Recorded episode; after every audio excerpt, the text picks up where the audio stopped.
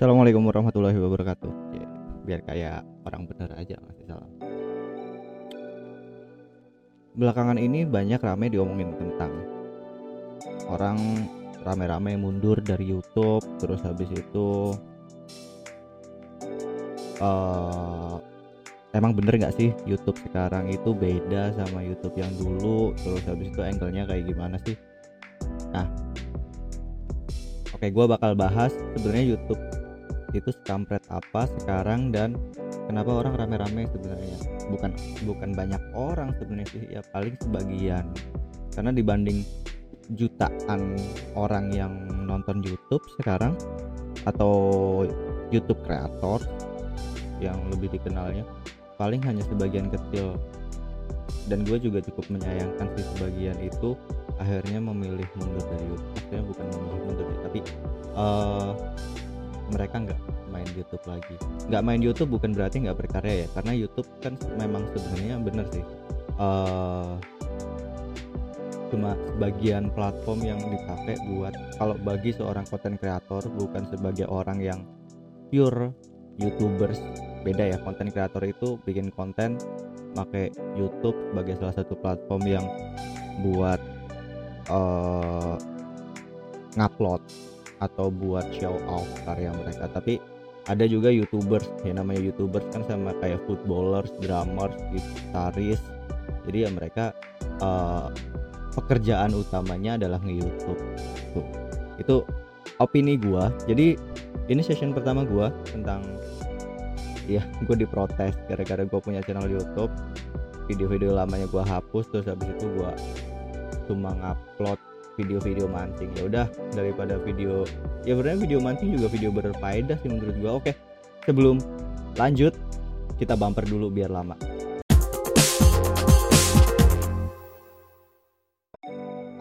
Oke udah kayak youtuber sebelum uh, gini ini gua mau disclaimer dulu ya. Jadi ini sebenarnya opini pribadi nggak menyangkut institusi apa pun juga nggak uh, nggak ada hubungan atau nggak berkaitan dengan pekerjaan gua masa lalu atau pekerjaan gua sebelum sebelumnya gitu. terus apa sih lu ngomongin kayak gini? Ya ya, ya namanya juga opini pribadi ya. Nama nama judul videonya gitu kan berbagi cerita opini pribadi sebenarnya ya semua opini pribadi. Jadi uh, ini gua mencoba menarik angle dari uh, orang yang pernah ngebayar. Ya dibayar orang dibayar brand buat uh, ngebayar. Buat bukan ngebayar berkolaborasi dengan beberapa konten kreator terutama di YouTube dan di media sosial lainnya. Sebenarnya oke okay, balik lagi ke yang sekarang. Gue mau ngomongin tentang sebenarnya emang beda ya YouTube sekarang sama beda sama YouTube let's say 3 sampai 5 tahun yang lalu. Gue bisa bilang yes. Oke okay. kelihatan nggak kalau ini gua nguploadnya audio cuma di Spotify terus habis itu di YouTube ada visualnya ya. Jadi jangan kaget kalau gua bilang gambarnya kelihatan apa enggak. Yes ada perubahan. Retot. Nah uh, perubahannya gini kalau menurut gua YouTube dulu dan YouTube sekarang itu ibaratnya kan sebenarnya kayak uh, sebelum gue ngomong perubahannya kayak gimana gue mau coba menganalogikan gue kemarin sempat mikir di jalan. Uh, lo kenalan sama uh, juragan. Juragan komplek ruko nah juragan komplek ruko itu nawarin lo eh bro lo jualan di tempat gue free mau nggak? Misalnya lo jualan bakso terus habis itu seiring berjalannya waktu ternyata pas lo jualan bakso rukonya jadi rame komplek rukonya jadi rame. Nah permasalahannya lo di situ kan dikasih jualan bakso free gratis lo nggak bayar sewa ruko lo nggak bayar maintenance lo cuma modal bikin baksonya aja. Nah pasti yang juragan komplek ruko itu kan bukan yayasan kan. Mereka kan pasti juga pengen mendapatkan uang dari komplek rukonya itu. Itu kan sebenarnya investasi bukan bukan bisnis. Eh sorry investasi bukan bukan uh, yayasan sosial. Nah karena dia punya komplek ruko maksudnya uh, rukonya nggak cuma satu dan lo jualan bakso di salah satu rukonya doang anggaplah di tengah. Terus juragan bakso itu nawarin ke orang-orang lain eh ayo jualan jualan jualan jualan bakso di tempat gua. Atau jualan makanan di tempat gua ada yang jualan nasi goreng. Terus ada yang jualan ayam. Ada yang jualan ada yang parkir. Otomatis kan semakin banyak ke sini semakin banyak orang yang uh, datang. Karena pilihannya juga makin banyak. Dan sebagai orang yang punya ruko bilang ke semua orang di sini eh lo boleh make ruko gua free. Tapi dengan syarat lu sebagai orang yang make gua free memperbolehkan gua masang sesuatu.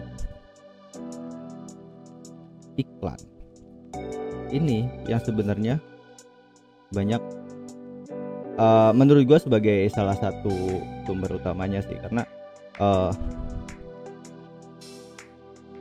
gimana ya iklan itu kan sebenarnya gini yang punya ruko udah udah ngasih lo free terus habis itu uh, lo bisa dapetin konsumen datang dapet duit datang dapet duit dan sementara uh, biaya maintenance terus habis itu kalau ada plafon rusak kalau ada cat bocor kalau ada komplain jalan bolong itu yang ngurusin juragan ruko bukan lo dan terus duitnya dari mana?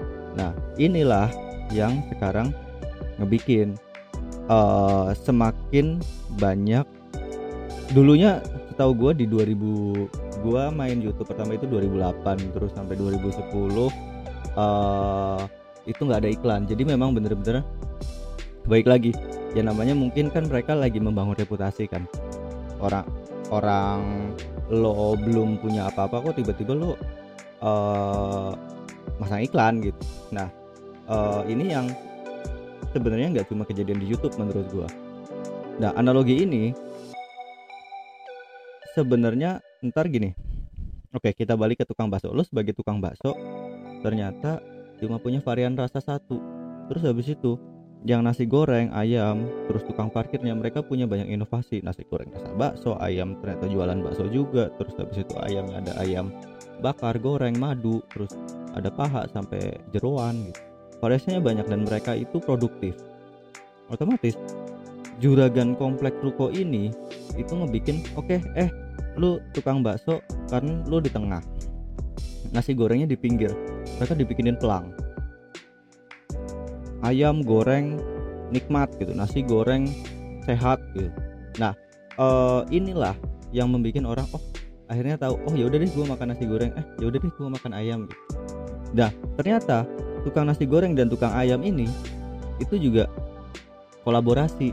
Eh ya udah deh kalau misalnya ntar ada yang beli nasi goreng gua eh ada ada konsumen ayam lo yang beli nasi goreng gua ini gua kasih promo atau lo boleh ya uh, ntar gua lemparin menu ke tempat gua sama sebaliknya. Nah ini ntar gue bingung kenapa ada tukang parkir. Ya udah deh bodo amat deh. Orang gue sambil nyeplos gue nggak bawa skrip. Ah uh, ini yang menurut gue sebagai analogi sederhana dari algoritma. Siapa yang punya algoritma? Ya anggaplah aja Google yang punya YouTube yang bisa menentukan algoritmanya mau kayak gimana. Mau lo ditaruh di homepage mau lo tiba-tiba di delete mau lo tiba-tiba di uh, suspend ya mereka punya hak prerogatif. Mereka bukan negara mereka itu institusi bisnis. Jadi mereka bisa melakukan apa pun karena itu platform mereka. Karena kita hanya sebagai orang yang ngontrak di komplek ruko ini. Nah balik lagi ke sini apakah algoritma dari awal pertama kali YouTube ada sampai sekarang itu sama? Enggak. Jadi algoritma itu adalah kalau sekarang yang gua ini gua nggak tahu ini ada teorinya atau praktisnya atau gua pokoknya yang jelas gini sepengalaman gua ketika kita ngomongin algoritma yang zaman sekarang itu semuanya based on relevansi. Ini juga kalau gua nggak ngomong di video ini ntar tolong remind gue di kolom komentar ya. Jadi relevansi uh, ingetin gimana caranya biar lo nggak terjebak di dalam algoritma. Uh, relevansi ini misalnya lo habis beli nasi goreng ayam. Terus sama yang punya ruko ditawarin eh mau beli ayam goreng nggak? Atau lo beli nasi goreng bakso lo mau ditawarin lo mau beli bakso telur nggak? Jadi sama kayak ketika lo nonton videonya gua tentang mancing pasti ntar lama-lama lo akan dan lo say nonton 3 atau 4 video tentang mancing tapi gua nggak berkolaborasi dengan youtuber siap mana pun ya lo nantinya akan anjir malas ya kalau ngomong nggak pakai skrip ya ya ya udah. Ya balik lagi. Uh, lo ketika nonton video mancing dua tiga lama-lama ntar oh YouTube menganggap lo relevan sebagai orang yang suka mancing. Akhirnya YouTube akan merekomendasikan konten yang sama. Konten yang sama. Berarti otong suka mancing nih. Atau misalnya gue collab sama uh, Joni gitu. Nah Joni itu awalnya memang nggak pernah mancing tapi dia suka bonsai gitu. Terus ketika gue collab sama Joni ntar oh berarti penontonnya gua penontonnya ya itu sama penontonnya Joni itu relevan. Berarti ntar yang nonton Joni di videonya Joni itu akan direkomendasikan video gua yang nonton video gua akan direkomendasikan video-videonya Joni. Dan seterusnya. Sekarang menurut gua relevansi itu yang menjadi algoritma utama. Di Google dan sebenarnya nggak cuma Google, Facebook pun setahu gue sekarang membangunnya dengan relevansi. Efeknya apa sebenarnya sih? Yang pertama gini, oke okay, udah banyak yang ngebahas tentang uh, ya konten gua jadi nggak lak nggak bukan nggak konten gua jadi penontonnya sedikit terus yang ini videonya uh, banyak tiap hari ngupload terus jadi banyak uh, yang nonton subscribernya nambah terus habis itu uh, upload terus dan lain-lain. Produk ya sebenarnya upload terus ya berarti produktif. Cuma produktif keren apa kontennya kan? Ya kebayang lah misalnya konten stripping yang dibikin satu hari sama konten yang video film let's say misalnya film bioskop yang dibikin ada yang bulanan ada bahkan yang tahunan itu pasti kan kualitinya beda kan? Cuma durasinya sama toh. Maksudnya ada yang sejam juga gitu video stripping. Ya YouTube mah bodo amat sama quality video karena tahu gue dia juga udah mendeklar bahwa dia nggak peduli sama kualitas video. Mau video lu pakai 3GP atau mau video lu cuma cuap-cuap kayak gini terus habis itu script kosong ini juga gue lagi ngetes sih bener apa enggak. Uh, ya mereka hanya peduli dengan durasi durasi konten relevansi. Nah konteksnya apa ketika uh, YouTube menggunakan algoritma itu atau Google menggunakan algoritma itu? Ingat lo nonton YouTube mungkin dari smartphone. Eh nggak kelihatan. Oke okay. atau dari PC atau dari TV sekarang. Beberapa gue gue juga pun sering kali nonton dari TV box Android. Nah ini biasanya pakai akun yang sama kan?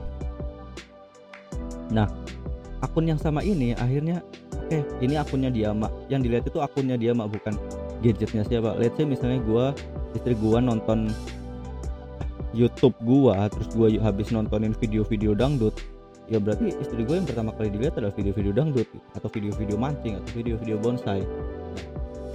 Karena ya itu account gue dan itu direcord sama Google sebagai data. This is yang penting. Kenapa gini deh. Uh, YouTube Google itu hidupnya dari mana sih? Dari iklan kan? Nah iklan itu siapa sih yang bayar? Brand kan? Nah brand itu gimana caranya biar bisa diyakinkan? Ya udah mereka uh, jualan data. Eh lo tau nggak yang nonton video mancing? Cowok usia 20 sampai 40 tahun dan mereka itu banyak juga yang nyari tentang pancingan. Lo jualan deh pancingan atau lo jualan deh tempat wisata mancing atau lo jualan deh sunblock data itu ada dan itu gak mungkin lo demen video mancing tiba-tiba dikasih video tentang sampo cewek atau skincare kan kecuali memang targetingnya salah. Nah ini buat targeting. Jadi validitas iklan yang ada di YouTube bisa dijual. Itu nah misalnya gua nggak pernah nonton video uh, apa ya video tinju gitu. Terus tiba-tiba gue nonton video tinju. Ya udah karena gua udah ke record bahwa dia mah itu interestnya A B C D iklan video. Walaupun gue nonton video tinju misalnya ada iklan pancingan atau ada iklan sunblock ada iklan rokok eh rokok boleh nggak sih iklan di YouTube? Ya udah deh gitulah. Ah. Uh, itu. Nah sebenarnya emang ini kejadian di YouTube doang. Eh coy gini deh. 2010 sebelum YouTube rame bisa ngiklan bisa dapat duit. Facebook rame duluan di Indonesia. Facebook itu sempat bete. Gue pun masuk salah satu orang yang bete. Kenapa? Karena dulu Facebook itu keren. Orang punya Facebook itu keren. Kan dulu dari Friendster pada pindah ke Facebook nah terus lama-lama makin banyak penggunanya kan semakin banyak pengguna berarti lo harus siap menerima berbagai macam opini yang lebih variatif, lebih majemuk. Sama kayak di YouTube sekarang. Mungkin dulu yang pakai cuma 10 juta, sekarang let's say udah hampir 100 juta orang Indonesia pakai YouTube. Ya lo harus siap menerima komentar-komentar yang dulunya nggak ada di YouTube atau sama kayak Facebook dulunya juga misalnya dulunya lo punya akun dan isinya teman-teman lo teman-teman kuliah teman-teman SMA terus tiba-tiba bokap lo nge-add Facebook lo terus nyokap lu nge-add om lu nge-add tante lu nge-add mertua lu nge-add. Ya udah algoritmanya berubah. Tiba-tiba isinya share-sharean grup keluarga WhatsApp kan. Ya lo di, di grup WhatsApp keluarga aja juga annoying kan apalagi uh, di Facebook tiba-tiba nge-share tolong bagikan, sebarkan, viralkan, bla bla bla bla. Nah ini kejadian di 2010 dan akhirnya Facebook mensolve dengan Facebook Group. Kalau lo lihat di Alexa atau di beberapa data insight sekarang tentang pengguna Facebook di Indonesia, mereka masih stabil. Tapi mereka jarang ngepost atau oke deh ada yang ngepost tapi nggak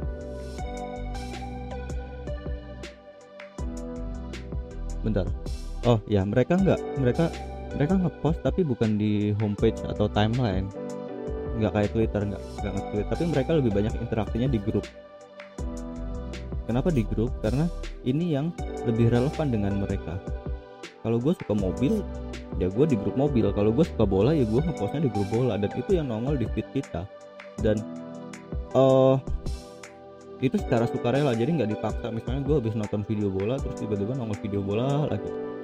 Beda sama YouTube. Kenapa YouTube nggak uh, nggak kayak gitu? Karena dia belum ada fitur face YouTube Group gitu. Dan akan sangat susah.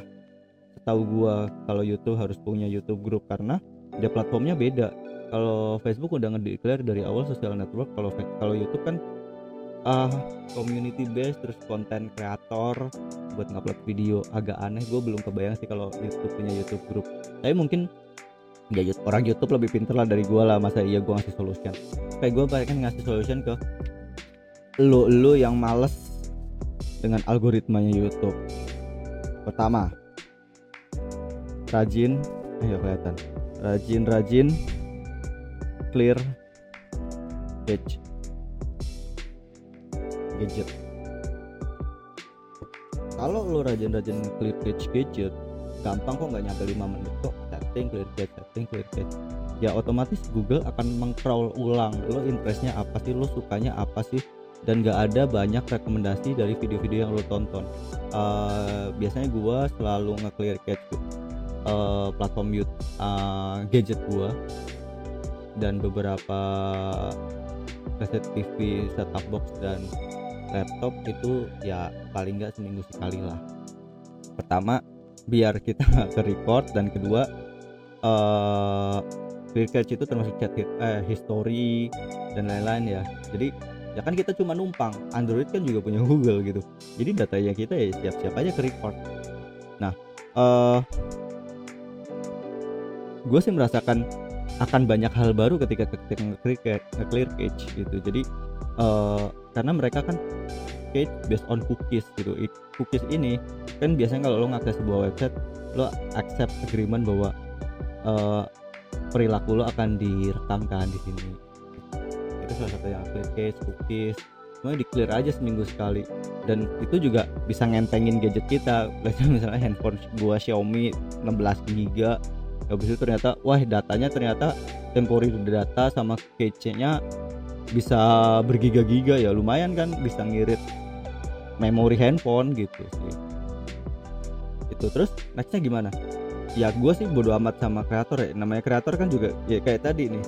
Dagang bakso yang namanya dagang. Kadang juga di atas kadang di bawah gitu. Kalau menurut gue sih youtubers bukan profesi selama ini gitu kalau lo punya hobi buat show off terus habis itu punya karya ya hitung-hitung YouTube ya kayak tabungan lah gitu. Uh, kalau ada syukur kalau nggak ada juga nggak apa-apa gitu. Tapi sebenarnya tujuan utamanya ya lo pengen berbagi kan. Sebenarnya berbagi video kayak apa kayak gitu konten kayak nonton kayak gitu. Kalau lo nggak pengen punya iklan dipakai ya adblock. Kalau pakai PC gitu. Sekarang banyak kok aplikasi-aplikasi adblock gitu. Terus support bla bla bla bla ya. Gimana ya ya itu balik lagi ke masing-masing. Ya gue sebagai orang yang handle beberapa brand misalnya pernah handle beberapa brand sekarang nggak handle sih. Uh, eh, gue ngajarinnya sih uh, bisa di mix antara lo ngeplacement di YouTube atau Facebook atau lo ngebangun konten secara organik. Dan kita nggak bisa protes coy karena yang punya channel yang punya platform itu mereka. Dan kita harus mengikuti mekanisme yang ada di mereka. Kita bisa protes bisa cara protesnya kita ya ya udah kayak gini sekarang. Uh, tergantung apakah uh, ntar let's say gini uh, banyak yang protes youtuber atau pengguna media sosial tentang YouTube nggak asik sekarang. Terus tiba-tiba pengguna YouTube-nya atau tiba-tiba muncul gerakan blokir YouTube gitu. Ya udah uh, lu nggak eh pengguna YouTube-nya kan juga lama-lama semakin sedikit kan YouTube bakal aware oh berarti gua harus berubah nih gitu. Cuma untuk melakukan hal yang kayak gitu kan sangat sulit karena kita sedang berhadapan dengan algoritma. Algoritma itu kan ujungnya duit bisnis. Nggak semuanya orang yang pakai YouTube itu juga pun bisnis gitu. Uh, banyak kok orang yang pakai YouTube itu sebagai portfolio mereka. Mereka dapetin duit dari orang yang lihat video mereka terus minta dibikinin videonya gitu ya banyak nggak nggak semuanya mau monetize dari situ gitu tadi. Let's say misalnya sekarang YouTube punya fitur buat membership gitu. Menurut gue lumayan cukup keren. Jadi itu bisa ngelihat seberapa loyal lu sebagai seorang penonton sih.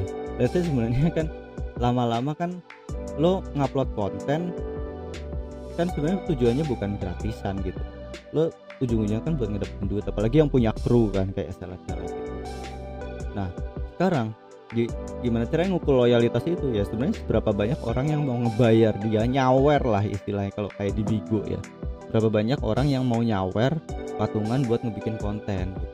Ya kayak membership let's say kalau lo pengen punya tontonan yang lebih berkualitas ya bayar.